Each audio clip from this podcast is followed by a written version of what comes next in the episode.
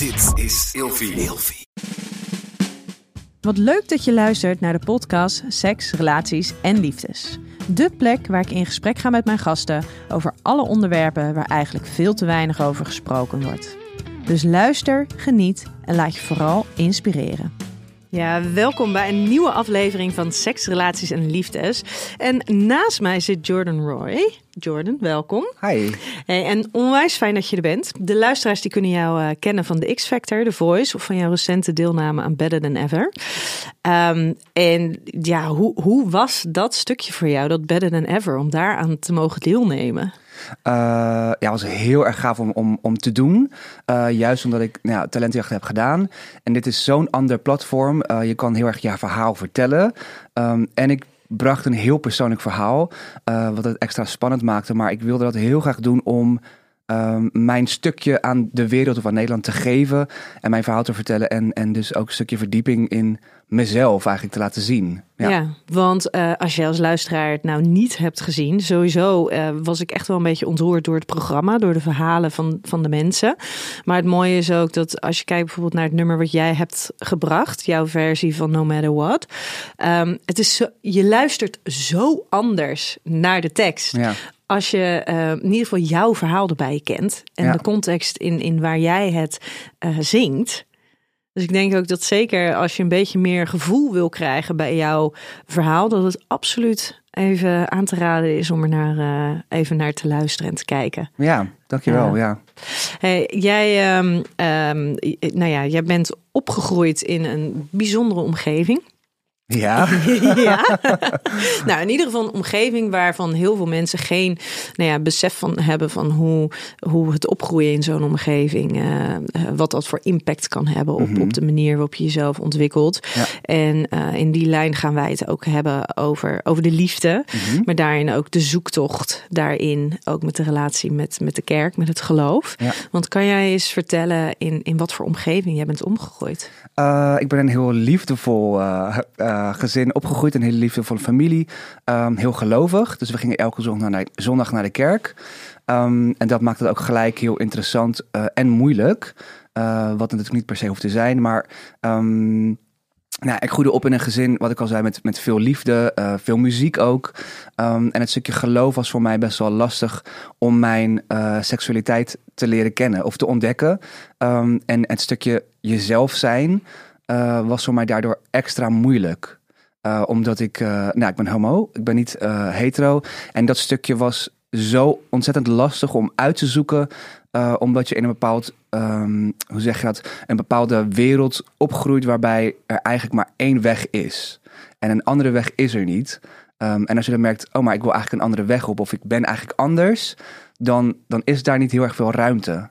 Um, en ik vond het ook heel, heel spannend en heel eng om dat uit te zoeken. Um, dus voor mij duurde dat heel erg lang. Um, en, en je zei ja, een heel bijzonder uh, uh, omgeving opgegroeid, maar uh, ook wel heel warm en heel liefdevol.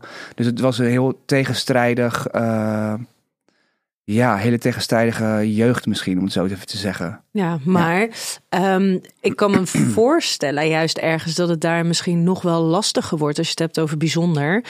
Um, is dat er juist zoveel liefde is en zoveel warmte is, dat je dan toch het lastig vindt om een stukje van jezelf te gaan ontdekken, te ontwikkelen. Ja. Absoluut, ja. Dat het nog scherper zo in contrast lijkt. In plaats ja. van dat het gewoon heel duidelijk is van, um, uh, nou ja, je, je bent niet oké okay, of je mag er niet zijn. Ja. Uh, dan is dat gewoon heel duidelijk. Maar als aan de ene kant er heel veel liefde en warmte is en aan de andere kant, nou ja, een soort van stukje waar zoveel wrijving bestaat. Dan lijkt het misschien nog wel lastiger. Ja, omdat je, je, je merkt in de kerk, daar hebben we natuurlijk over liefde. Uh, en het, het heeft zoveel verschillende vormen, wat heel, heel mooi is. Um, en het stukje liefde, uh, intimiteit of uh, in mijn, ik heb twee broers, in, in ons gezin dan het geval uh, een vriendinnetje hebben, die liefde ervaren, dat was er voor mij niet. Um, en daar was dus ook geen ruimte om dat te ontdekken, um, hoe het dan is. Nou, ik viel op mannen, dat had ik best wel snel door. Ook al accepteer je dat dan niet, omdat dat nou ja, vanuit het geloof of de Bijbel of de kerk niet geaccepteerd wordt of ook niet gestimuleerd wordt, meer als verkeerd gezien wordt, slecht, zonde, um, was er voor mij ook geen ruimte om nou ja, op dat stukje zeg maar de liefde te leren kennen en te ontdekken. En, en wat je zegt, dat was, dat was wel heel erg lastig. Heel erg moeilijk, ja. Ja, maar heb jij altijd geweten dat jij op jongens viel? Uh, uh, ik denk vanaf ongeveer mijn dertiende dat ik wel door had. Oh, ik vind jongens interessant. Veel interessanter dan meisjes. Um, en, en, maar ik durfde absoluut niets te doen. Niets. Ik durfde niet de aandacht op te zoeken. Of, of uh, nou, in je tienerjaren ga je, ga je naar de. Nou, ik ging, we gingen niet echt uit bij, in ons gezin. Dus we gingen niet echt naar de discotheek of zo. Maar je hebt natuurlijk een schooldisco of iets. Uh, maar ik durfde echt niets. En ik deed ook echt niets. Um, ook omdat je leert vanuit de kerk. Uh, seks hoort in het huwelijk. En ik durfde ook niet echt met meisjes dan te gaan zoenen of zo. Dus dat deed ik allemaal niet. Maar ik durfde het ook niet met jongens te doen. En dan op een gegeven moment, dan, dan, dan kom je er, nou ja, als je ouder wordt, wel achter van, oh ja, um, heel veel dingen heb ik nu niet ervaren of gedaan. En, en je, je, de tijd stopt niet, die staat niet stil, die gaat gewoon door. Dus je wordt ouder en op een gegeven moment denk je op een leeftijd, ja, uh, ga ik nu wel iets uitproberen of blijf ik dit niet doen, zeg maar. Ja, en hoe groot wordt het gat dan? Ja, heel groot. Ja, ja heel groot. Ja. En, en jij hebt twee broers. Groeide jij wel op binnen een gezin waar uh, er bijvoorbeeld voor jouw broers ruimte was om vriendinnetjes te hebben? Om daar dus wel wat mee te ontdekken? Ja, zeker. Ja, ja zeker. Dus, dus we werden, echt wat ik zei, in een heel liefdevol gezin zijn we opgegroeid. Uh, zij kregen gewoon vriendinnetjes en, en ze zijn inmiddels ook getrouwd en hebben kinderen. Uh, dus, dus voor, voor zover ik het kan zeggen over hun leven, zijn zij heel goed opgegroeid en, en hebben zij gewoon het, de dingen meegemaakt of mogen ervaren en ontdekken die je als kind en tiener doet. En, en uh, dus zeker hebben zij vriendinnetjes gehad en die mochten ook gewoon bij ons over de vloer komen. Het blijven slapen was iets anders, want dat mocht niet. um, uh, maar op een gegeven moment, als je dan echt langer samen bent, dan mocht het wel. Maar mijn ouders waren daar best wel streng in. Uh, en, en wij zijn echt opgegroeid met het, met het idee dat seks in het huwelijk gebeurt. Um, dus totdat je trouwt, doe je dat niet. Mm -hmm. en slaap je ook niet samen. En, en dat. maar het mocht natuurlijk dan wel met jongens op een kamer. Dus dat, mm. daar is, dat, dat, dat, was, dat vond ik dan heel erg gek. Want ik voelde me aangetrokken tot jongens. Dat sprak ik toen, toen niet uit. Maar um, dat is eigenlijk heel gek als je daarover nadenkt. Heb je daar ooit een beetje, beetje gebruik van gemaakt? Nee, want dat durfde ik dat echt niet. Ik durfde niets. Nee. nee. Dus ik was heel, heel voorzichtig. En uh, het ontdekken gebeurde echt veel later. Echt heel veel later. Ja. ja. ja. Hey, wij gaan daar uh, zo heel veel meer over horen. Um, ik heb in ieder geval een cadeautje voor jou, want je bent naar Schiedam uh, gekomen. Ja. Dus een Bobby's gin. Nou, wat lekker. Uit Schiedam. Hey, um, ik merk... Ja? Sorry, ja, nee, ik was even benieuwd. Want ik heb uh, uh, een paar afleveringen geluisterd. En, en wat is er dan zo bijzonder aan de Bobby's? Want ik kom niet oorspronkelijk uit Schiedam. Uh, maar mijn beste vriendinnetje woont hier aan de overkant. Wat, wat is dan Bobby's? Die wordt hier in Schiedam wordt die gemaakt, echt. Oké. Ja, en het is dus een, het, uh, nou ja, het Schiedamse ondernemers die zijn dit opgestart met het uh, familieverhaal uh, vanuit, vanuit Indonesië. Oh. Ja, dus dat leuk. is echt een hele mooie combinatie. En ook de, de, als je kijkt naar het logo en als je kijkt naar de fles zelf, dat zijn de Molukse tekens die erop staan. Ja. ja, en dat wordt hier letterlijk om de hoek, wordt dat in Schiedam nou, wordt dat gemaakt. Hiermee kan ik bij mijn vader aankomen. Die ja? komt uit Indonesië. Dus oh. dan weet ik zeker dat dit. Uh... Ja, maar dat zit echt, uh, ja, dat, ja, dat komt daar dus vandaan. Of tenminste met die, die kruiden, met die inspiratie, ja. met die, uh, die geschiedenis is deze gemaakt. Tof. Ah, cool. Hey, als, je het, um, als je het hebt over um, nou ja, in ontwikkeling zijn, um, uh, dingen meemaken, uh, geïnspireerd raken. Uh, ik merk dat daarbij, als ik, ik haal daarbij heel veel informatie uit, uit boeken. Ik vind boeken daarin een hele mooie bron van inspiratie. ik betrap mezelf op dat ik telkens meer aan storytell aan het luisteren ben, want helaas niet zoveel tijd om te lezen zelf. Maar dat vind ik heerlijk om daar dan in te verdwalen.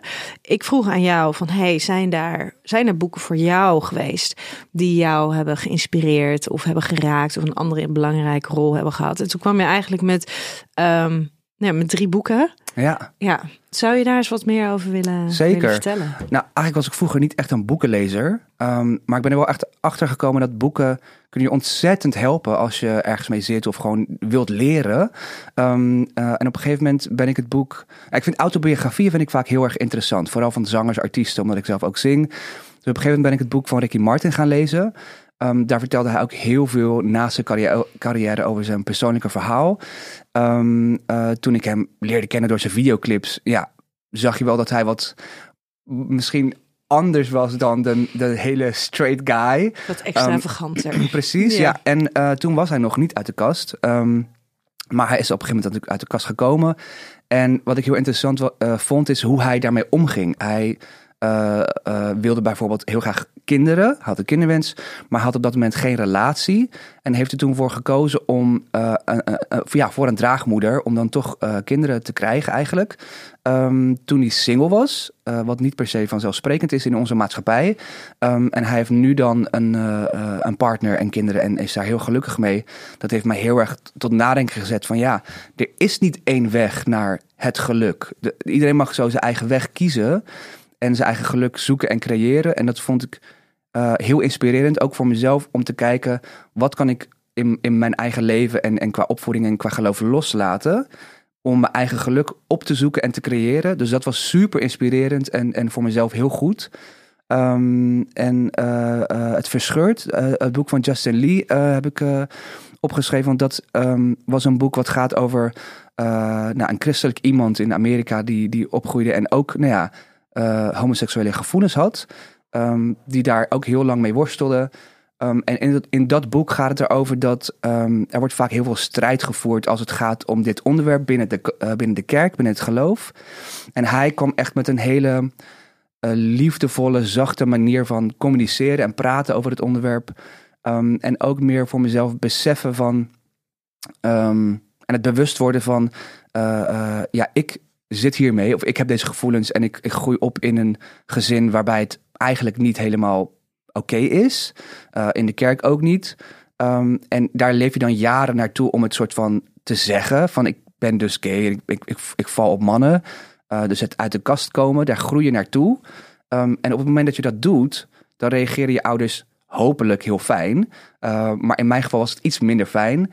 Um, en achteraf, door dat boek te lezen, ben ik ook gaan begrijpen en, en ben ik bewust geworden van het feit dat zij ook ergens vandaan komen. Dus zij kunnen ook niet altijd uh, uh, juist reageren. Ook zij moeten dan een proces door. En zij moeten dan uh, ja, ook daarin groeien. Um, dus dat boek heeft me heel erg geholpen om. Nou, het viel echt van mijn schouders af. Dat ik dacht, wow, die, die soort van die gedachten, die, die soort van die, die zware gevoelens. Dat viel ineens van me af door het te lezen en te denken, ja, mijn ouders komen ook ergens vandaan. Die hebben ook bepaalde visies over het leven geleerd. Uh, vanuit hun opvoeding, vanuit de kerk. Um, uh, dus dat heeft mij heel erg bevrijd eigenlijk. Zo voelde het echt.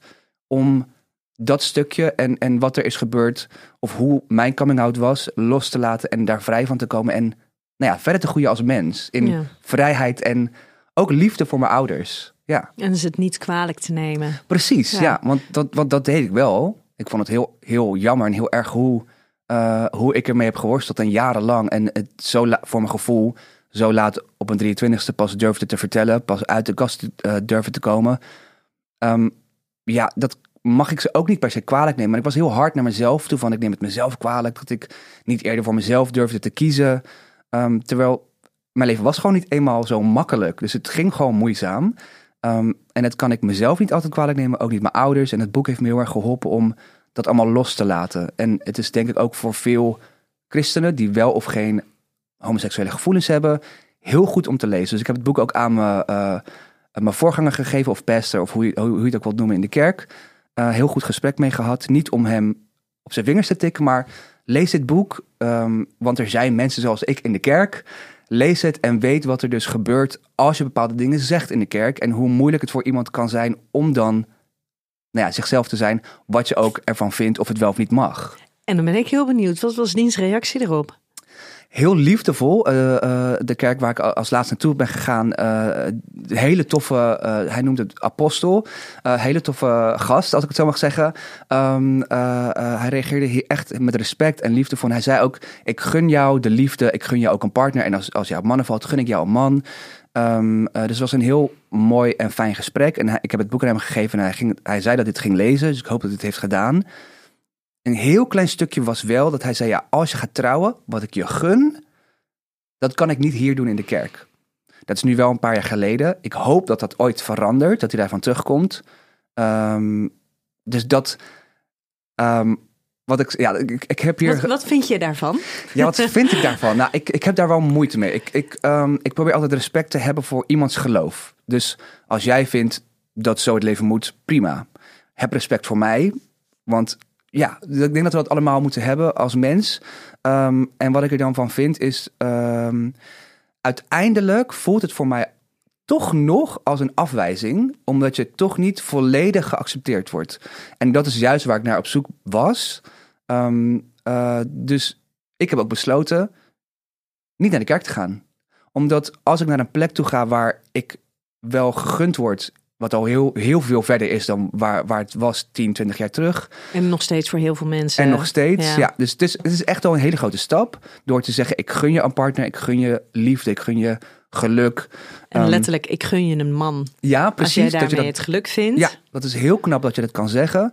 Dus het is al heel ver. Maar toch het stukje, ik kan jou niet trouwen als je dat wilt. Hier in de kerk. Dan voel je je toch niet helemaal geaccepteerd. En dan denk je, ja, waarom zou ik dan naar zo'n plek gaan waar ik dan alles voor God of voor de kerk of, of hoe je dan ook wilt noemen, doe. Maar als ik dan uiteindelijk op, die, op dat moment ben dat ik een, uh, een partner heb en gelukkig ben en je me niet wilt trouwen, terwijl eigenlijk ik zo opgegroeid ben van dat hoort in de kerk ook te gebeuren. Ja, wat doe ik dan hier? Ja. Waarom, waarom ga ik hier dan heen? Ja, maar dat lijkt me ook zo lastig, hè? Dat je dan dus aanvankelijk dus uh, denkt... hé, hey, ik word in ieder geval gehoord en ik word serieus genomen... en mijn gevoelens worden erkend. Ja. Maar uiteindelijk krijg je alsnog keihard die deur in je gezicht dicht. Ja, ja. en hij zei het wel heel lief en respectvol en liefdevol inderdaad. En ik vind hem ook echt een hele toffe man. Um, maar toch doet het pijn. Ja. ja.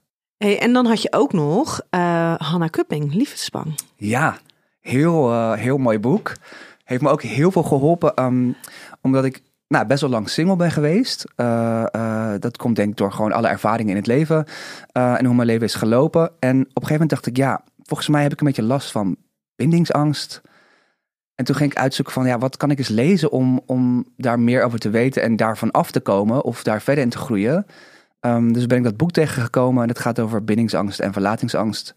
Um, en dat heeft me zoveel handvatten gegeven en, en, en zoveel geleerd ook uh, uh, um, ja, over dat onderwerp. En, en uh, ja, ik heb nu inmiddels een vriend, dus het heeft geholpen. dat is natuurlijk niet altijd het geval nee, zo. Klopt. Maar het is inderdaad al heel helpend om daarin gewoon een stukje te begrijpen wat je voelt ja. en waar het vandaan komt. Ja. Ja. En wat ik me dan, hè, als je het dan hebt over bindingsangst, uh, ja, de angst om te binden, die komt ook heel vaak voort uit de angst om iemand te verliezen. Ja. Um, en ik kan me dan ergens bij jou ook wel voorstellen, ja, als jij nooit geleerd hebt van ja, maar jij bent het waard om lief te hebben ja. wie jij lief wil hebben, ja. ja, dan dat daar heel veel angst zit om iemand lief te gaan hebben. Ja. Want hoe doe je dat dan? Blijft de ander wel? Ja. Ben jij het wel waard om ook van gehouden te ja, worden? En precies wat je zegt, vond ik altijd heel erg moeilijk, um, omdat in de kerk wordt er gezegd. Uh, God houdt van je zoals je bent, of, of jij bent het waard. En, en, en ik kon dat nooit zo goed uitstaan, omdat dat is niet waar. Tenminste, het wordt zo gezegd, maar uiteindelijk merk je dan met mensen uh, waarmee je gesprek hebt of in de kerk, dat dat dus niet helemaal zo is. Nee, dat er een stukje van jou het niet waard is. Precies. Ja. ja. ja. ja. En wil jij nou ook als luisteraar een van deze boeken luisteren of lezen? Of een van de 300.000 andere luister- of e-books? Luister dan nu 30 dagen gratis via storytel.com slash Nienke. En laat je ook uh, eindeloos inspireren, want boeken kunnen gewoon echt wel een heel groot verschil uh, maken. Hey, ik heb jou gevraagd door om vijf woorden te bedenken die gaan voor jou over seksrelaties en Ja. liefdes. Welke woorden waren dat? Uh, sowieso vertrouwen. Ik vind vertrouwen echt super belangrijk. Uh, gewoon überhaupt in vriendschappen uh, als mens en, en ook in een relatie. Um, staat vertrouwen voor mij echt op nummer één. Uh, dan kan je gewoon de hele wereld aan, denk ik. En um, wat heb ik nog meer opgeschreven? Um, celibaat. Um, Daar was ik heel nieuwsgierig naar. Ja, ja je, je vroeg aan mij vijf woorden en ik dacht, wat moet ik nou opschrijven? Wat moet ik nou, wat moet ik nou, ja, welke vijf woorden? Maar dat kwam in, als eerste in, in me op. Um, dus ik dacht, ik schrijf het gewoon op. Um, dat heeft te maken met, met mijn geschiedenis, uh, dat ik naar de kerk ging. En wat ik al net vertelde, je leert uh, in de kerk dat, het, dat seks in het huwelijk hoort. Dus ook eigenlijk, uh, nou ja, masturbatie, dat is, daar wordt nooit echt over gesproken en het hoort eigenlijk niet. dus de, de ware periode dat ik het ook niet deed. Dat ik gewoon dacht, nou, dat doe ik dan niet. En eh, ik wil wel onderscheid maken tussen zelf ervoor kiezen van... hey, ik wil gewoon eventjes daar niet mee bezig zijn. Uh, ik wil een hele uh, bepaalde soort spiritual journey gaan. Dat vind ik allemaal super tof. Um, en het stukje, ja, dus geen seks voor het huwelijk. Dat, dat ja, is niet... Bedoel, celibaat is misschien, het ligt aan hoe je dat, hoe je dat zou, zou omschrijven of wat het dan precies is. Maar ook dat stukje komt er dan bij mij een beetje om de hoek kijken. Dat je wacht totdat je getrouwd bent voordat je seks hebt. Um, daar heb ik best wel veel mee uh, geworst, geworsteld of over nagedacht van ja, hoe ga ik dat doen? Want als ik niet mag trouwen met een man, mag ik dan nooit seks hebben. En, en dus dat is voor mij best wel een belangrijk thema geweest in, in mijn wat jongere jaren. Um, waarbij ik op een gegeven moment dacht, ja, maar als ik morgen doodga, Even heel heftig gezegd, sorry. Nee, maar als ik morgen uit. dood ga en ik heb nog nooit seks gehad, ja, dan weet je niet wat je mist, dat sowieso. Maar Maar dat is wel heel rationeel gezegd, hè? I know, ja. Ja. Maar ik dacht, hey, uh, ja, waarom... Ik wil het gewoon wel eens weten hoe dat is. En ook zelfs zoenen. Want zelfs dat had ik pas op mijn 27ste gedaan. Dus ook daarvoor had ik nog nooit seks gehad. En het is heel bijzonder, heel apart vind ik dat. Uh, ik ben natuurlijk gay. Uh, en mensen hebben best wel een bepaald beeld van als je gay bent, dan heb je heel veel seks. Dat hoeft dus niet zo te zijn. Maar het is ook interessant dat, dat als ik dat dan vertel, dat vertel ik niet vaak, maar als het, als het er wel eens ter sprake komt, dan geloven mensen me vaak niet. Er zijn nu heel veel mensen die het horen, hè? Ja, bij Ja. deze. Maar is dat dan, ehm, is dat dan vanuit dat jij zelf misschien niet zo heel seksueel ingesteld bent, dan wel eh, niet zo heel veel behoefte hebt aan, aan seksualiteit, dan wel gewoon Nee, prioriteit stelt aan andere wel. dingen? Of is het inderdaad toch al die boodschappen van vroeger, nou ja, Ja. die nu ook gewoon nog een rol spelen in, in de uiting van? Ja, nou zeker. Ik had die behoefte absoluut. Ja, maar dan denk je, oh, dat mag niet en het is zonde en het is slecht. En dan vooral ook nog, dus zeg maar ook als, als je hetero zou zijn, dan denk je, oké, dit mag niet, ik moet wachten tot het huwelijk. Maar als je dan ook nog eens de lading hebt, maar met een man, dat is echt een zonde, dan ga je naar de hel. Ja, dus dat stukje, dat moest ik echt loslaten. Daar moest ik echt van vrijkomen. Dus op een gegeven moment, dan ben je dus in je twintige jaren en dan, dan hoor je nou, zoveel verschillende verhalen dat je denkt, ja, ik schaamde me er altijd een beetje over dat ik, dat ik ja, dan niks had gedaan. Of soms voelde ik dat ook wel heel tof. Dat ik dacht, ja, ik ben heel eh, heilig en heel netjes. Maar waarom zou je dat moeten zijn? Ja. Waarom, waarom, ja, ik, het kan natuurlijk iets heel moois zijn en iets heel fijns. En ik geloof nu ook dat het iets heel moois is en waarvan, waar je van mag genieten. En ook in een relatie heel veel mag van genieten. En het, en het hoeft, ehm, eh, in, vind ik, niet per se in het huwelijk. Want daar heb ik heel veel over nagedacht van tevoren. Van ja, stel dan dat je met iemand bent waar, waar je voor kiest voor de rest van je leven. En de seks is slecht. Nou, sorry, maar daar pas ik voor. Dat is wat heel veel mensen hebben, hè? Ja, Ja, zeker mensen die inderdaad hebben gewacht met seks Ja. tot het huwelijk. Die komen dus achter dat dat is gewoon dat ze Ja. helemaal niet matchen op nee, dat en, gebied. en daar heb ik heel veel gesprekken over gehad met mijn ouders, met mijn familie of met, met andere christenen. Maar, en, en niet altijd durfde ik zo eerlijk en open te zijn als nu, vandaag de dag. Maar nee, dat, dat is voor mij niet meer zo. nee, Nee. nee. Hey, wat waren jouw andere drie woorden? Ehm, even denken. Ja, geloof dus. Ja, maar dat denk ik duidelijk. Mhm. Ehm, ik heb ook nog dating apps en fun eh, als, als woorden. Ehm, op een gegeven moment zat ik best wel veel op dating apps, omdat ik graag een partner wilde of, of aandacht of intimiteit of eh, nou, ja, verzin het maar. En dan vandaag de dag kan je gewoon heel makkelijk in gesprek komen. Eh, dus ik had een Tinder en ik had een, een, een Grinder. ik had. eh, Niet ja. bepaald vrij van seks, grinder. Nee, klopt. Eh, was ik niet altijd per se naar op zoek of zo. Uh, maar ik zocht gewoon ook ehm, nou ja, gewoon het verbinden eigenlijk. En, en vooral uh, als je tot je 27e nooit hebt gezoend, nooit, nooit seks hebt gehad en ook dus geen relatie hebt gehad. Ja, dat is heel, eigenlijk heel, nou, ik wil niet zeggen heel raar, maar dat had, dat had niet gehoeven. Nee, nee, had dat niet gehoeven? Nee, ik had, het, ik had graag gewoon ook om uh, 17e, 18e gewoon wel eens een eerste zoen willen hebben. Of gewoon willen ervaren ja, hoe dat dan is als je in je tienerjaren bent en verliefd wordt. Ik moest daar later heel erg over nadenken van, ben ik nou verliefd of wat is het nou eigenlijk? Maar als je ook in retrospect, ben jij verliefd geweest in je tienerjaren? Ja, ik denk het wel, absoluut. Ja. ja. Hey, ik heb vijf, um, vijf kutkeuzes voor je. Ja. Seksualiteit of intimiteit? Intimiteit. Strikte monogamie of een relatie met meer vrijheden? Um, ik zou gaan voor strikte monogamie. Schaamte verbergen of kwetsbaarheid tonen? Uh, ja, oeh, hele goeie. Ehm, ik denk dat ik nu eerder zou gaan voor kwetsbaarheid.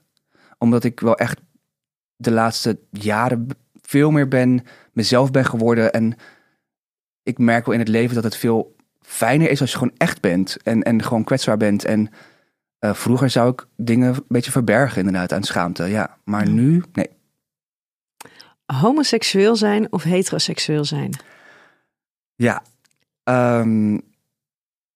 vind ik een hele lastige. Ik zou nu sowieso kiezen voor homoseksueel zijn, omdat ik heel erg tevreden en blij en gelukkig met mezelf ben.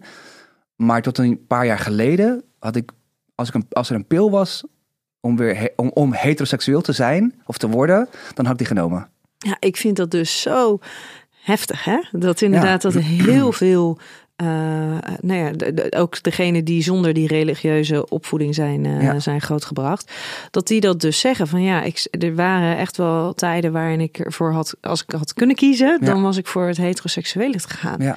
Dan denk je, jeetje, maar dan heb je dusdanig heftige situaties gehad, heb je dusdanig met jezelf in conflict gezeten. Dat je liever iemand anders had willen zijn. Liever een stuk van jezelf nooit tot uiting had willen laten komen.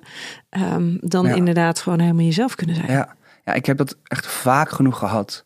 Inderdaad, door de, door de omgeving en, en hoe je opgroeit. Maar ook gewoon los van het geloof in de maatschappij is het, is het soms echt wel lastig. Ook nu, het heeft misschien dan wel met, mijn eigen, met het opgroeien of mijn eigen leven te maken. Maar als ik mijn vriend nu een zoen, een zoen geef buiten op straat of zijn hand wil vasthouden, dan denk daar wel even over na. Dan vind ik dat toch nog best wel moeilijk. En ik doe het wel, maar het is dan bijna heel bewust dat ik denk, ja, ik mag eh, liefde ervaren. Ik mag ook iemands hand beethouden. Want ik heb al jaren andere mensen, hetero-stelletjes, elkaar zien aflebberen. Ja, dat ga ik ook doen. Ja, maar er is bijna de spontaniteit er een beetje uit. En is het meer Nee, een soort klopt, van ja. statement. Ja, maar zo voelt het soms wel. Ja. Omdat, het, omdat ik het ook niet zoveel zie. Ehm, en, en dan op gewoon de, tussen haakjes, normale plekken. Bij de supermarkt, voor de deur bijvoorbeeld. En nu ben ik niet iemand die dat per se doet. Maar dat, dat is misschien ook dan wie ik ben. Eh, dus ik, ik ga het niet zomaar doen om een statement te maken. Eh, maar het, als ik voel van ik wil je hand vasthouden of ik wil je een zoen geven. Dan doe ik het vaak wel. En dan voelt het wel bewust. In plaats van ook wil je gewoon nu een zoen geven. Ja. Ja. Je eigen geloof vormen of volledig afstand doen van het geloof. Ehm, mijn eigen geloof vormen. Lukt dat ook een beetje? Is dat gelukt? Of... Eh, het blijft denk ik een zoektocht. Maar ik vind het wel aardig gelukt. Ja? Ja. Ja? ja. En als je dat dan ehm, eh, bijvoorbeeld deelt eh, naar je ouders toe, hebben, eh, wat, wat, vind, wat zijn hun ideeën daar dan bij? Dit zijn hele lastige gesprekken. Ja? daar kan ik uren over praten. Maar nee, ook met mijn broers. ehm, mm, wat ik altijd, wat ik zelf merk, is dat als je ehm, iets doet wat niet volgens het geloof is, of niet volgens de kerk of, of zeg maar die visie, dan is dat per definitie fout. En dan kom je gelijk weer bij een soort van waardeoordeel van, maar ik, net wat je zegt, ik ben het waard. Ik ben als mens het waard. Punt. Dus als ik ervoor kies om vandaag helemaal zwart aan te doen, of nee, eigenlijk beter gezegd, ik heb nu een single geschreven, heet Man. Als ik ervoor kies om een jurk aan te trekken als man zijnde, dan ben ik niet fout, maar dan kies ik er gewoon voor om een jurk aan te trekken. En, als, en dus dat, dus dat is best wel lastig als je dan een gesprek hebt over bijvoorbeeld seks in het huwelijk. En als ik ervoor kies om niet te doen, ben ik niet gelijk een zondaar. Ja, dat is misschien wat jij vindt, maar ik ben het niet. Nee. Nou ja, het is inderdaad. eh, Jij hebt natuurlijk een nummer uitgebracht, eh, Man. Mhm. En dat gaat juist inderdaad over jezelf kunnen zijn, jouw eigen man kunnen zijn, Ja. zonder daarin alle verwachtingen en ideeën van hoe een man zou moeten zijn. Ja. Maar dat lijkt me dan best pittig. Ehm, nou ja, voor jouw familie.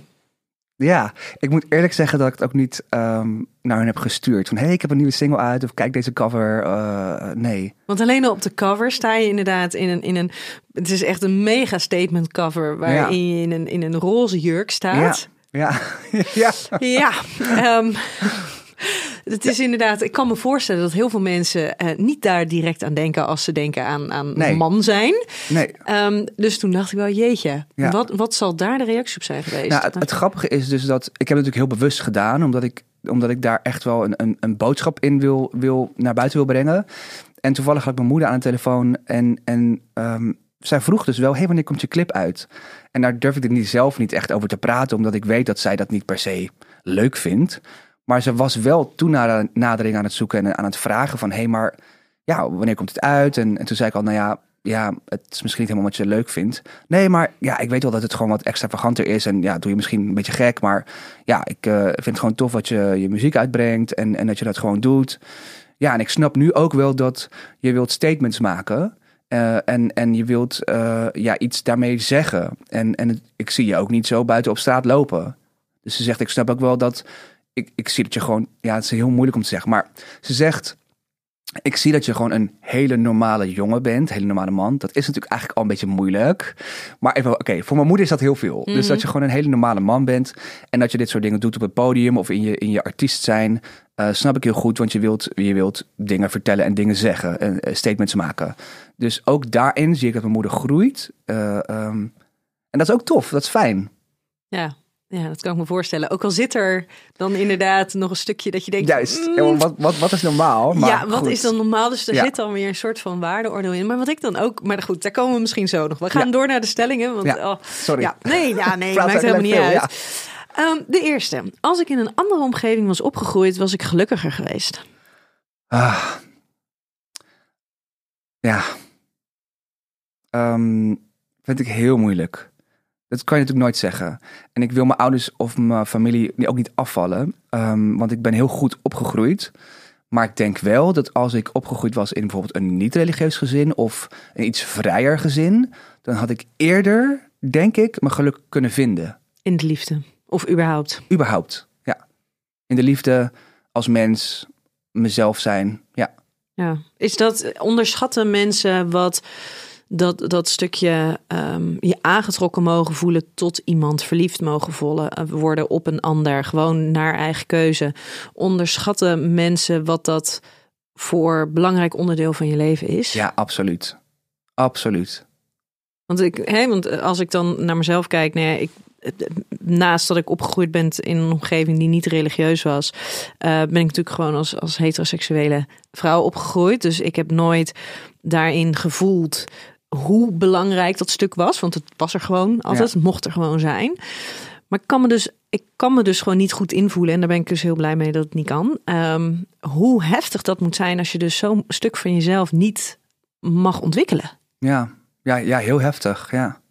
ja, en ik besef me eigenlijk steeds later pas, als je gewoon wat ouder wordt en wat wijzer en je gaat boeken lezen, dus je leert ook meer, dat, dat alles wat er is, is gebeurd, of het nou wel of niet goed bedoeld was, of weet je wel, met, met liefde was, het neemt zo, het, het- die wortels zijn zo diep, dus ook nu merk ik soms, oh ja, ik heb daar best wel moeite mee om deze keuze te maken. Ja, en waarom is dat dan? En dat gaat allemaal weer terug Precies. naar toen. Ja. ja. Vind, je, vind je dat lastig? Dat je dus, ehm, ik snap dat dit een hele lastige vraag is. En je wil je ouders helemaal niet afvallen. Want je ouders, die, hè, eigenlijk Mhm. wat je net zei, die zijn natuurlijk ook, die komen ook ergens vandaan. Ja. Ja. Maakt dat dat je ehm, het feit dat je bijvoorbeeld dat boek hebt gelezen, maakt dat wel dat je daarin milder bent en het, Zeker wat minder heftig emotioneel ervaart? Ja, dus het boek heeft me absoluut geholpen. En ik ben op een gegeven moment. Nou, ik ik heb een beste vriendinnetje, zij is psycholoog. Ehm, dat is ook iets wat eigenlijk vanuit de kerk niet nodig is. Of in ieder geval vanuit hoe ik het heb op, meegekregen, zeg maar. Ehm, eh, dus ik stond er ook nooit voor open. Psychologen, therapeuten, whatever. eh, coaches. Nee hoor, is niet nodig. Want al- als je een probleem hebt, dan ga je naar God. Ja. Door haar eh, heb ik, ben, ik leren, ben ik gaan inzien dat een psycholoog of een coach super handig is. En super, hoe zeg je dat? Eh, ehm, eh, nou, heel veel voor je kan betekenen. Ehm, eh, dus daardoor ben ik open gaan staan en ben ik via haar eigenlijk bij een psycholoog terechtgekomen, wat heel erg bij- mij aansluit. Ehm, en dat heeft me ook zoveel geholpen om dingen te ontdekken, mezelf te leren en te groeien. eh, ehm, dus ik merk dat, ehm, dat ik zeker milder ben geworden naar mijn ouders toe. Ook veel meer begrip eh, eh, heb, ja, heb inmiddels. En, en dat je dat ook leert te hebben. En nou, ik heb ook gewoon wel gesprekken met mijn ouders gehad. En, en vooral door Better Than Ever, het programma. Daar heb ik heel veel persoonlijke dingen verteld. Wat ook voor mijn ouders best eh, eh, confronterend was of, of moeilijk was. En zij zijn ook niet blij met hoe alles gelopen is. Ehm, en, en ik heb daar bij mijn moeder bijvoorbeeld best wel goede gesprekken over gehad. Dat ze zegt, ja, maar we, we hebben wel echt alles voor je gedaan uit liefde. En het zo goed mogelijk geprobeerd proberen te doen en je op te voeden. En ik ben mijn ouders ook super dankbaar voor de opvoeding die ik heb gehad. En eh, ik heb geen schulden bijvoorbeeld. Ik heb, ze hebben al mijn studies betaald. Ik heb een huis. Ik heb een leven. Ik ben gezond. Uh, ik heb tussen haakjes het op orde in het leven. En, en ik ben iemand die doorzet. En het komt wel door hoe, hoe mijn ouders me hebben opgevoed. En, en in die zin ook gevormd. Um, maar het gaat dan wel over, een, over een, ook een stukje. Wat het wel heel lastig heeft gemaakt voor mij om, om, om te zijn wie ik ben. En, en dat stukje, wat je net vroeg, inderdaad, dat, dat gaat veel verder dan mensen beseffen. Ja. Nou. Hey, de volgende stelling. Voorbeelden zijn als kind van cruciaal belang in het vormen van je seksuele identiteit. Zeker weten, ja. En die heb ik echt gemist. Ja. waren er mensen in jouw omgeving überhaupt? Um, nou ja, misschien denk, ik al, misschien denk ik al te veel na.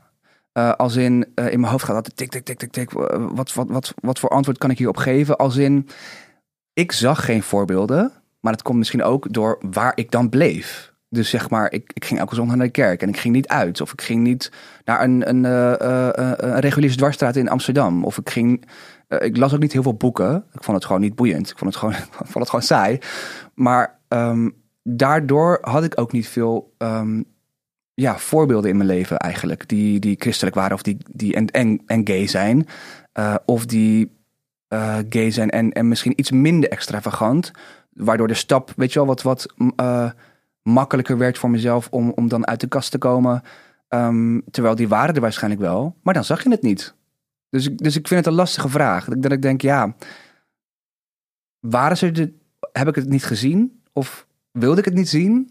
Ja, of, of werd dat heel erg. Nou, het heeft ook ermee te maken, bijvoorbeeld Will and Grace. Ja, mm -hmm. ga ik weer. Ik, ga, ik praat heel veel. Sorry. Maakt niet uit hoor, ga maar hoor. dus bijvoorbeeld Will and Grace vond ik super grappig en wilde ik heel graag kijken, maar dat deed ik meteen uit als mijn ouders of iemand thuis kwam. Omdat ik dacht, oh my god, ja, dit is heel gay en dit mag ik vast niet kijken. Dit vinden ze vast verschrikkelijk. En soms werden ook bepaalde dingen gezegd. Dus snel uit. Terwijl, dat vond ik super grappig. Ja, terwijl het, het is ook gewoon super grappig. Ja. Het is een hele leuke serie. Klopt. Ja. En je had er inderdaad waarschijnlijk heel veel van kunnen leren. Of ja, je hebt zeker. er heel veel van geleerd. Maar dan een beetje in, in het stiekemen. Ja, precies. En als het in het stiekemen moet, dan voelt het alweer anders. Dan voelt het alweer niet als van... hé, hey, ik mag hiervan leren en ik mag hiervan genieten. Maar gaat het toch wel meer over schaamte en, en ongemak. Precies, ja. ja. Dus ik denk dat, ze er, dat die voorbeelden er misschien wel waren... maar ja, dan toch een beetje voor afsloot. Ja, en stel nou met zo'n Will Grace, hè? jij had het aan laten staan terwijl je ouders erbij waren geweest. Ja. Hadden zij er dan wat van gezegd of was het vooral jouw aanname? Uh, ik denk wel dat ze iets van gezegd hadden. Want soms, we mochten ook niet alles kijken, dus soms moest ik gewoon iets wegzeppen.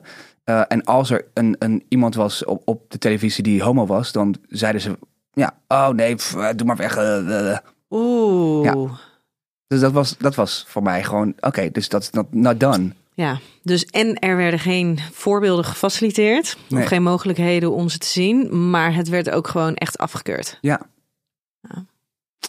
Nou, dan ben ik benieuwd. De volgende. Homoseksualiteit en geloof gaan prima samen. Uh, ik denk wel dat het samen kan gaan.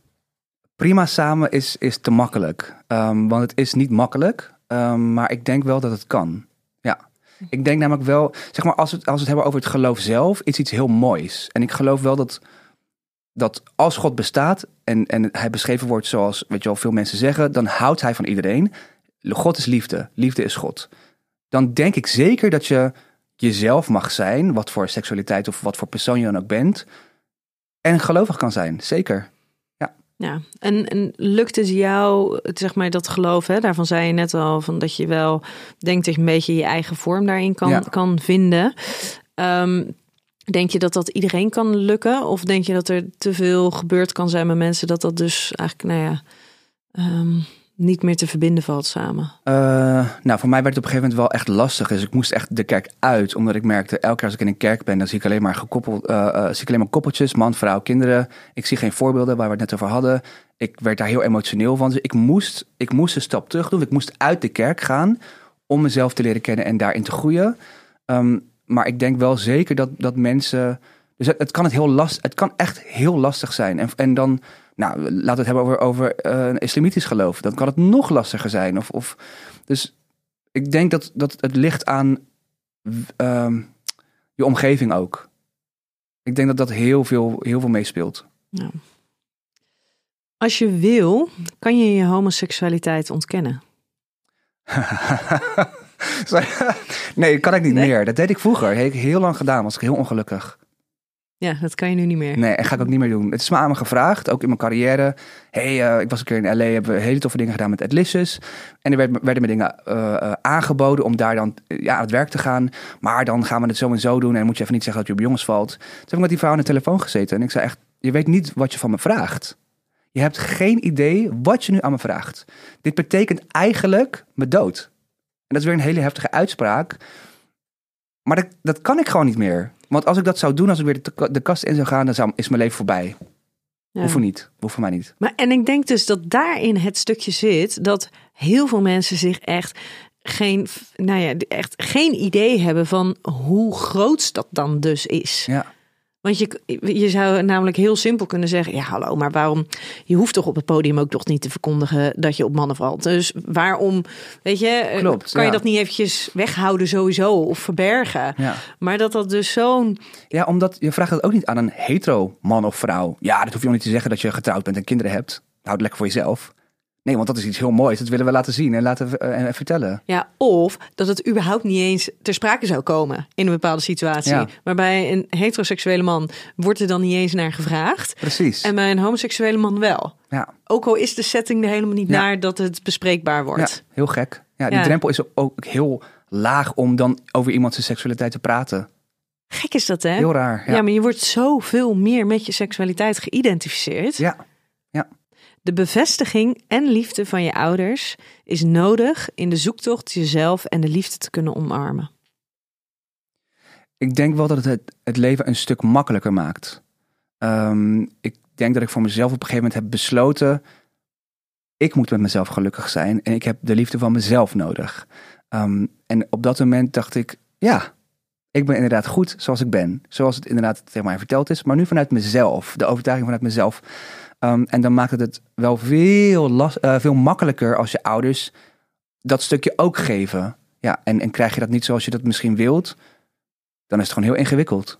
Maar zou het misschien ook zo kunnen zijn dat op het moment dat jij zelf op dat punt bent ehm, van, van een stukje zelfacceptatie en bevestiging, hey, ik mag er gewoon zijn, dat als je dan het gesprek aangaat met je ouders, ehm, dat zij dat misschien ook zien of zo en voelen en dat zij misschien ook eerder geneigd zullen zijn, minder onzeker zullen zijn, eerder zullen denken, hé, hey, maar dit is inderdaad gewoon een stuk, ehm, dit, dit is gewoon ons kind, Ja. punt. Ja, misschien wel. Ik denk, ik denk dat ouders sowieso, hopelijk, het beste met hun kinderen voor hebben. En dat ze altijd willen dat je, dat je kind gelukkig is. Ehm, ja, dus het kan zeker een rol spelen. Ja. Ja. Hey, en wat zijn voor jou de meest eh, verwarrende conflicten geweest? Op welk- Tussen, op- nou ja, tussen, de, tussen de boodschappen die jij hebt meegekregen en de dingen die jij hebt gevoeld. nou, eh, het, het stukje, God houdt van je zoals je bent. Of je bent goed zoals je bent. Als ik dat hoorde, ik kotsen. Dat ik dacht, "Ugh." omdat ik geloof dat niet. Dat geloofde ik echt absoluut niet. Dus dat is denk ik het grootste conflict waarbij ik als mens gewoon eh, error had, zeg maar. Ehm, en ik durfde mijn allereerste vriendje niet voor te stellen mijn ouders. Durfde ik gewoon niet. En toen was ik al 27. Dat durfde ik gewoon niet. Dus, ook, dus dat, dat was echt wel een heel groot conflict. En Want waar was je bang voor? Ja, toch weer een afwijzing. Of toch dat je dan niet helemaal geaccepteerd wordt. En, en eh, ja, Of dat, ze, dat je ziet dat ze hun best doen, ja, maar ja. dat het het toch nog net niet is. Ja, omdat je, dan, omdat je dan misschien toch voelt van, oh ja, ik wil eigenlijk toch, ik hoop toch dat je nog met een keer met een vrouw thuiskomt. Wat gelukkig niet meer zo is, tenminste dat voel ik niet meer zo.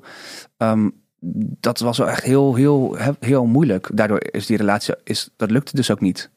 Het ging niet. Nee. En, en met de relatie met jouw broers? Ja, ik heb een hele goede relatie met mijn broers, gelukkig. En vooral met mijn oudste broer, daar kan ik heel erg goed mee kletsen. Ehm, over het geloof, over seksualiteit. Ehm, en, en ja, dus de, gelukkig hebben we een, een fijne relatie. En ook met mijn coming out was het allemaal prima. Ja. Ja. Pikte zij het mm, beter op dan je ouders? Ja, zeker. Ja? Ik denk dat we ook gewoon, ja, je bent natuurlijk een andere generatie en je groeit anders op. En ik denk dat het ook voor hun, ja, je bent mijn broer, dus je hebt echt wel door dat ik, dat ik ja, toch andere dingen leuker vind. Ja, in ieder geval dat je niet meedeed met, met het, het praten over de meisjes Nee, en eh, daar interesse Ja, in hebben. ja. Ja. En als je, als je. Jij bent nu wie je bent. Ehm, dat is ook hè, iets wat jij nu heel erg wil uitdragen. Dat je de dingen die je doet, dat je die doet zoals dat jij bent. Mhm. Ehm, maar zijn er af en toe nog dingen, ehm, eh, behalve dan hè, wat je net zei van eh, dat, de, die, die, die, dat God van je houdt zoals dat je bent. Maar zijn er nog momenten, situaties waarin je toch in conflict bent met ehm, wie jij nu bent en eh, overtuigingen van vroeger, boodschappen van vroeger, over hoe de wereld werkt? Eh, ik denk dat het heel weinig is, gelukkig. Ik denk dat ik, dat ik best wel sterk nu sta in het leven. En ehm, het kan best eens ineens omhoog komen. Omdat, wat ik al zei, die, die wortels zijn heel... Die zitten, zitten, zitten gewoon heel diep. Ehm, eh, dus het kan best wel eens voorkomen. Maar ik, ik, wat ik zeg, ik ben heel gelukkig met mezelf. Ehm, en met waar ik nu ben in het leven. Ja. ja. ja. Hey, en hoe kijk jij naar de toekomst? Ja, ik heb nu een partner, ik heb een vriend. En, en daar ben ik heel blij mee. Ik word ook gelijk eh, heel, heel happy. Ehm, eh, we zijn nu een halfjaartje samen en dat is voor mij ook weer eh, ja, heel bijzonder en heel nieuw. Eh, we hebben heel veel plannen om, om te gaan doen. Eh, ehm, ik, kijk, ik kijk heel blij en, en ook verliefd naar de toekomst. Ja, en, en heb, heb jij kinderwens gehad? Heb je die? Ik vind kinderen super leuk. maar ook dat is weer een, een, een ding dat ik vroeger dacht: ja, kinderen ga ik nooit krijgen met een man. Uh, ik weet wel dat het nu anders kan gaan en dat je dus zelf ervoor kan kiezen. Uh, wat wel in mijn situatie wel lastiger is. Um, ik hoef niet per se kinderen. Ik wil heel leuk uh, de, de, de suikeroom zijn. Ja, ja. ja. Ah, Maar, maar mocht, het, mocht het opeens, ja, in, er, hoe zeg je dat? Mocht het ineens daar zijn, dan, dan sta ik daar. Ik, ik, ja, ik, wat ik zeg, ik vind kinderen heel leuk, dus ik sta ervoor open. Ja, maar ik, ja, ik sta ervoor open, maar jullie moeten inderdaad heel bewust wel wat Klopt, gebeuren. klopt. Um, wil er Ja. natuurlijk een kindje komen. Ja. Maar ja, ik kan me voorstellen als je dus een leven lang opgroeit met het idee, oh, kinderen zijn dus niet voor mij weggelegd, Ja. want simpelweg, ik ga niet trouwen met een vrouw, dus ik Ja. krijg daar binnen een huwelijk geen kinderen. Dat überhaupt als je nu dan in een relatie zit waar je helemaal gelukkig bent en waar je, waar je echt de toekomst tegemoet kan zien met iemand anders, met liefde. Ja. Ehm, ja, dat je jezelf ook wel even de tijd moet geven om weer van, van dat idee van geen kinderen, Ja. om dat een beetje los te laten. Ja, ja. En tegelijkertijd, ik hou ook wel echt van mijn vrije leven. dus ik zou het ook niet erg vinden als er geen, eh, als er geen kinderen komen. Nee, het is niet dat ik. Ik heb nooit het gevoel gehad, ik moet, ik wil kinderen. Ehm, ik vind kinderen gewoon heel erg leuk, maar gelukkig zie ik er genoeg in, in de dingen die ik doe. En, en mijn broers hebben allebei al twee kids, dus eh, ik zou het heel leuk vinden om lekker op te passen en een weekendje met ze weg te gaan en zo, dat soort dingen. Ja. Ja. En lekker inderdaad je vrijheid en je, en Precies, je, ja. en je ochtenden uitslapen lekker kunnen behouden en zo. Ja, ja. Heerlijk. En wat ik me dan afvraag, hè. ehm, jij hebt natuurlijk, eh, eh, je hebt je coming out gehad rondom de periode van de X-Factor. Klopt. Ja. Ja. Nou, als je dan kijkt naar Better Than Ever, dat is dus natuurlijk het afgelopen jaar geweest. Ja. Nou, daar, dat, daar, daar zitten jaren van verschil. Maar Ja. er is ook ehm, een leven van verschil in. En, en hoe jij daar staat en wie jij bent. Ja. Merk je dat dan ook als je op zo'n podium staat? Eh, ja, zeker weten. Ja, want, want met X-Factor was ik, dat is, was in 2011, was ik best wel... Ik had best wel wat extravagante kleding aan en ook misschien smoky eyes als make-up. Ehm, eh, vond ik toen nog best wel spannend. En was ik nog heel erg zoekende. En nu bij Better Than Ever wilde ik gewoon mijn verhaal vertellen. En was ik 100% mezelf. En vertelde ook echt letterlijk mijn verhaal. Dus dat is wel echt anders, ja. En ik was niet bezig met... Kijk, ik hou van show. Ik hou van entertainment. Maar daar was ik niet mee bezig. Ik was gewoon bezig met... Ik vertel een verhaal en ik wil mensen bereiken.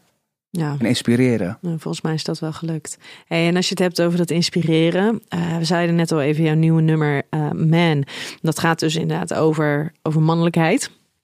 Ehm, wil jij blijven zingen, verhalen blijven vertellen, blijven inspireren ehm, over deze onderwerpen? Of is dit gewoon even iets wat nu bij je past en, en ga je straks weer andere dingen doen? Nou, wat ik merkte is, eh, tijdens mijn studie aan het conservatorium moesten we eigen, eigen liedjes schrijven. Eh, vond ik dat heel erg lastig, want ik had liefde niet ervaren. eh, of andere, andere verhalen. Ik was toen ook nog niet uit de kast, dus ik durfde niet mijn eigen verhalen te vertellen. En nu merk ik van, oh ja, ik ben heel erg oké met mezelf. Ehm, nu durf ik ook dit soort verhalen te vertellen. Dus ga ik dat zeker doen, omdat het veel meer impact heeft en het is veel echter. Veel kwetsbaarder ook. Het komt veel meer aan bij mensen. En het is niet, oh, ik zing een liedje over, ik ga naar de disco en ik doe een leuke performance en klaar. Het, is, het, is, het heeft een verhaal. En tuurlijk, ik hou ook van, oh, ik ga lekker naar de disco en ik zing een liedje, la la la. Dat vind ik ook tof, dus dat zal ik ook blijven doen. Maar zeker veel meer inzetten ook voor de queer community. Ja, Ja, ja. Maar ja, als je het hebt over, ik kon niet schrijven over de liefde, want dat had ik nog nooit ervaren. Ja, maar wat je, hoe, hoe jij dingen ervaarde ehm, en alles wat je daarin wel ervaarde, Ja. hè, dingen als ehm, eenzaamheid, Ja. eh, niet gehoord worden, zoekende zijn. Dat, dat maakt natuurlijk ook prachtige nummers. Zeker, ja. Maar ik was, ik denk ik dan, ik was nog heel erg, ik, heel, ik hou heel erg van uptempo liedjes. En heel erg blij en gelukkig en, en eh, eh, happy songs. En wat, wat minder blije liedjes en wat droevigere liedjes of emotionele liedjes. Dat deed ik niet zo snel. Dat vond ik ook iets minder leuk. En, en misschien ook wel iets minder, eh, durfde ik dat minder om me kwetsbaar op te stellen. Ja, Ja. want dan moest je je echt kwetsbaar opstellen. Precies. En dan Ja. zouden ze echt zien wat er allemaal Ja. in jou om zou gaan. Ja, en dat durf ik natuurlijk niet eh, te laten merken. Nee, nee. Hey, en die wilde ik net nog vragen. Ehm, merk jij nou, omdat jij natuurlijk pas vanaf je eigenlijk vanaf je 27ste echt dat, dat, nou ja, een beetje dat seksuele stukje bent gaan onderzoeken met een ander. Merk jij dan nu binnen je relatie ehm, dat daar een verschil zit in de ervaringen die jullie hebben? Ik denk het niet. Nee? nee, nee. ehm, En ook gewoon op, niet alleen op seksueel gebied hoor, maar ook gewoon op relationeel gebied. Hoe je met dingen omgaat. Weet je, want als je, nou ja, als je, als je zeg maar als, als 18, 19 jaar ga je natuurlijk heel anders om met Klopt. een relatie Ja. dan wanneer je 35 bent. Ja, zeker. Nou, ik merk, ehm, het, voor mijn gevoel levelen we heel goed. En hij is ietsje jonger dan ik, maar eh, ik heb het idee dat we allebei op eenzelfde soort plek zitten, zeg maar, in het leven. En eh, op seksueel gebied is het top. En ehm, eh, ook op gewoon op eh, ehm, nou ja, andere, andere vlakken in het leven. Ehm, ondanks dat ik eigenlijk maar één relatievorm heb gehad, heel kort. Daar, daar, daarvoor dus nooit, ben ik wel altijd aan mezelf gaan werken. Ik ben altijd bezig geweest met hoe kan ik mezelf ontwikkelen. Dus ik heb een coach nog steeds, want ik vind het heel fijn om daarin te blijven groeien. Ik ben boeken gaan lezen. Ondanks dat ik geen relatie eh, eh, ervaringen had, eh, heeft hij wel een hele lange relatie gehad. Ehm, maar daar miste hij bijvoorbeeld een stukje wat hij bij mij heel erg krijgt. Waarbij hij zegt, wow, de, ik- de aandacht die ik van jou krijg of, of het communiceren met jou is zo fijn. Ehm, eh, dus eigenlijk levelen we heel erg goed. Dat, ja, dat het dus blijkbaar dat er niet zo'n verschil is. Nee, fijn. Ik was ik even, was ik even nieuwsgierig. Ja. Hey, wij gaan hem eh, alweer afronden. Ja, Onwijs bedankt dat je hier wilde zijn, dat je je verhaal wilde vertellen. Ehm, en ik hoop gewoon dat je onwijs gelukkig gaat zijn in de liefde, gaat blijven in de liefde. yes, En dat je je dromen kan waarmaken. Dankjewel. Ja. Hey, mocht jij als luisteraar naar benieuwd zijn naar de boeken van Jordan of bijvoorbeeld naar mijn boek, check dan storytel.com en luister nu 30 dagen gratis. Lieve luisteraar, tot volgende week bij een nieuwe aflevering van Seks, Relaties en Liefdes.